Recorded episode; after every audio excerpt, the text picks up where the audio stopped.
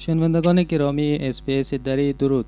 امروز خلیل الله شایق مبشر مسیحیت و از بزرگان و رهبران افغانهای مسیحی در استرالیا را با خود داریم. از آقای شایق در باره جمعه یا آدینه نیک و عید پاک یا Easter می‌پرسیم. آقای شایق به SBS دری خوش آمدید و واقعا سپاسگزارم از اینکه وقت گذاشتید چون می‌دانم که خیلی مصروف بودید. در ابتدا میشه در مورد جمعه نیک در آین مسیحیت معلومات بدید جمعه نیک چیست؟ هم تشکر تشکر بسیار زیاد. واقعا بر من جای خوشی و افتخار است. بتانم در مورد جمعه پاک و عید پاک صحبت کنم. جمعه پاک امو روز است که عیسی مسیح به طرف صلیب میره. که جمعه الصلیب هم میگن. جمعه پاک هم میگن آدینه نیک هم میگن و به طرف صلیب میره و جان خود به خاطر تمامی گناهان تمامی بشریت فدا می‌کنه در سر صلیب. تا باشه که بخشش به مردم بیاره توسط قربانی کردن جان خود. مثل یک بری قربانی که ما افغان ها از طفولیت من یادم است که پدرم قربانی می‌کرد. و او همه ساله بود. اما عیسی مسیح یک بار و برای همیش و برای همگی جان خود فدا کرد تا باشه که مردم بتانند که دوباره با خدا آشتی پیدا کنند و گناهایشان بخشیده شود و نجات ابدی را که حضور خدای زنده است بر همیش به دست بیارن یعنی این روز واقعا روز عالی است. چرا که اگر عیسی مسیح کار نمی‌کرد هیچ امیدی دیگه وجود نداشت و عیسی مسیح جان خدا فدا کرد. جان کاملا بیگناه خدا یعنی او هیچ گناهی نکرده بود. در او هیچ گناهی یافت نمی‌شد. اما که در کتاب مقدس انجیل ما می‌خوانیم که چی کسی می‌تونه بر ما فدیه شود؟ چی کسی می‌تونه ما را نجات بده؟ کسی که خودش پاک باشه خودش اصلا در زندگی خود هیچ گناهی نکرده باشه. او کسی است که می‌تونه از ما شفاعت کنه. و عیسی مسیح این شفاعت با قربانی جان خود انجام داد. تا باشه که ما گناه های ما بخشیده شود هر کسی که با ایمان میاره دعای است که افغان های ما ایمان بیارن و این نجات ابدی را به دست بیارن.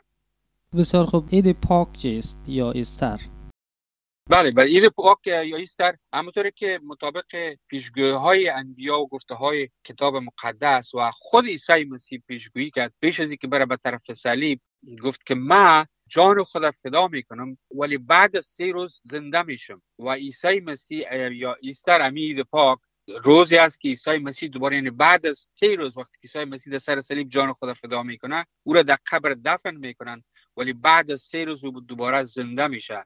مطابق پیشگویی های انبیا و گفته خودش و کتاب مقدس. زنده میشه و از ما بین مردگان قیام می‌کنه ما در مورد قیامت و قیام زیاد شنیدیم اما عیسی مسیح یگانه کسی است که از مردگان قیام کرده. و او به اصطلاح سر مرگ پیروز شده. ما سر مرگ پیروز شدیم و مرگ نمی‌تونه که سر ما حاکمیت داشته باشه دیگه بعد از اینکه ما به عیسی مسیح به قیام عیسی مسیح ایمان میاریم. به این شکل دیگه خبر نتونست که مثلا عیسی مسیح را با خود بگیره و ما به کتاب مقدس میگه میگه که ای قبر نیشت تو کجاست؟ ای مرگ زهر تو کجاست؟ عیسی مسیح پیروز شد و ما سر مرگ پیروز شدیم و او قیامت مردگان بر ما نشان داد. در عمل و بعد از اینکه زنده میشه خدا به صدها و هزارها انسان نشان میده زنده. و امی است که این ما میگیم عید پاک یا رستاخیز عید رستاخیز عیسی مسیح ایستر که میگن برش.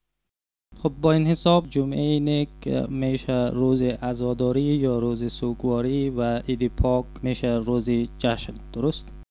نه ما نمی‌تونیم هرگز در مسیحیت سوگواری و عزاداری وجود نداره قطعا. ما خوشحال هستیم ما خدا را شکر می‌کنیم که عیسی مسیح رفت جان خدا فدا کرد درست است که بسیار دردآور بود یعنی به او شکل فجی که عیسی مسیح در سر صلیب به اصطلاح کشته میشه جان میته از اینکه دیگه تاریخ بشر یک مرگ فجی وجود نداشته به این اندازه دردآور. ولی ما او را عید پاک یا مثلا جمعه پاک میگیم گود فرایده میگیم به خاطر از که بر ما او بخشش و زندگی را نجات بر ما برمغان آورد. ما هرگز عزاداری نمی‌کنیم. وقتی که به عیسی مسیح میانیم دیگه عزا و غم دیگه وجود ندارد در زندگی ما. پس جمعه عیسی مسیح جان خود فدا می‌کنه و روز یک شنبه که سه روز میشه او دوباره قیام می‌کنه و در قیام از او ما به قوت می‌گیریم که بریم با مردم دنیا بگیم که بیاین این نجات به دست بیارین که سر مرگ عیسی مسیح پیروز شده. پس از آن نیست عزیزم این واقعا جای خوشی و شادمانی است. ما از این خاطر سرودها می‌خوانیم جشن می‌گیریم در خانه های خود و شکرگزاری می‌کنیم کلام خدا را می‌خوانیم و بر فرزندای خود میگیم که عیسی قیام کرده عیسی زنده است و ما هم در پیروی از او زنده هستیم. خب سوال بعدی را هم امیر رو می‌خواستم پرسان کنم که در کل مسیحیان جهان چطور از این روزها تجلیل می‌کنه و شما به عنوان مسیحی های افغان به چی سبک و روشی از این مناسبت ها تجلیل می‌کنید؟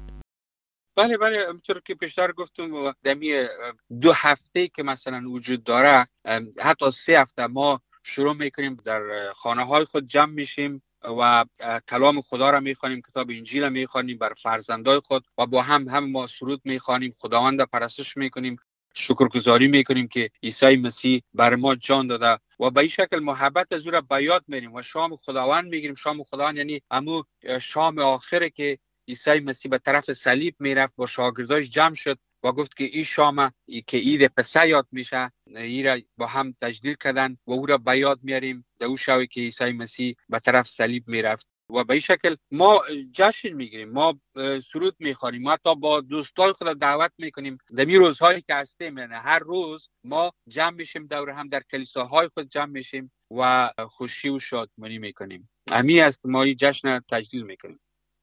بسیار خوب آقای شایق بسیار تشکر یک بار دیگه از اینکه وقت گذاشتید و با ما صحبت کردین و برایتان عیدی خوش و آخر هفته خوش آرزو می‌کنم. تشکر بسیار زیاد. واقعا من دعا می‌کنم که افغانای عزیز ما در مورد عیسی مسیح بخوانند ببینند که خداوند ما نیکوس عالی است و ایمان بیارن نجات پیدا کنند تشکر از اینکه برای ما وقت داد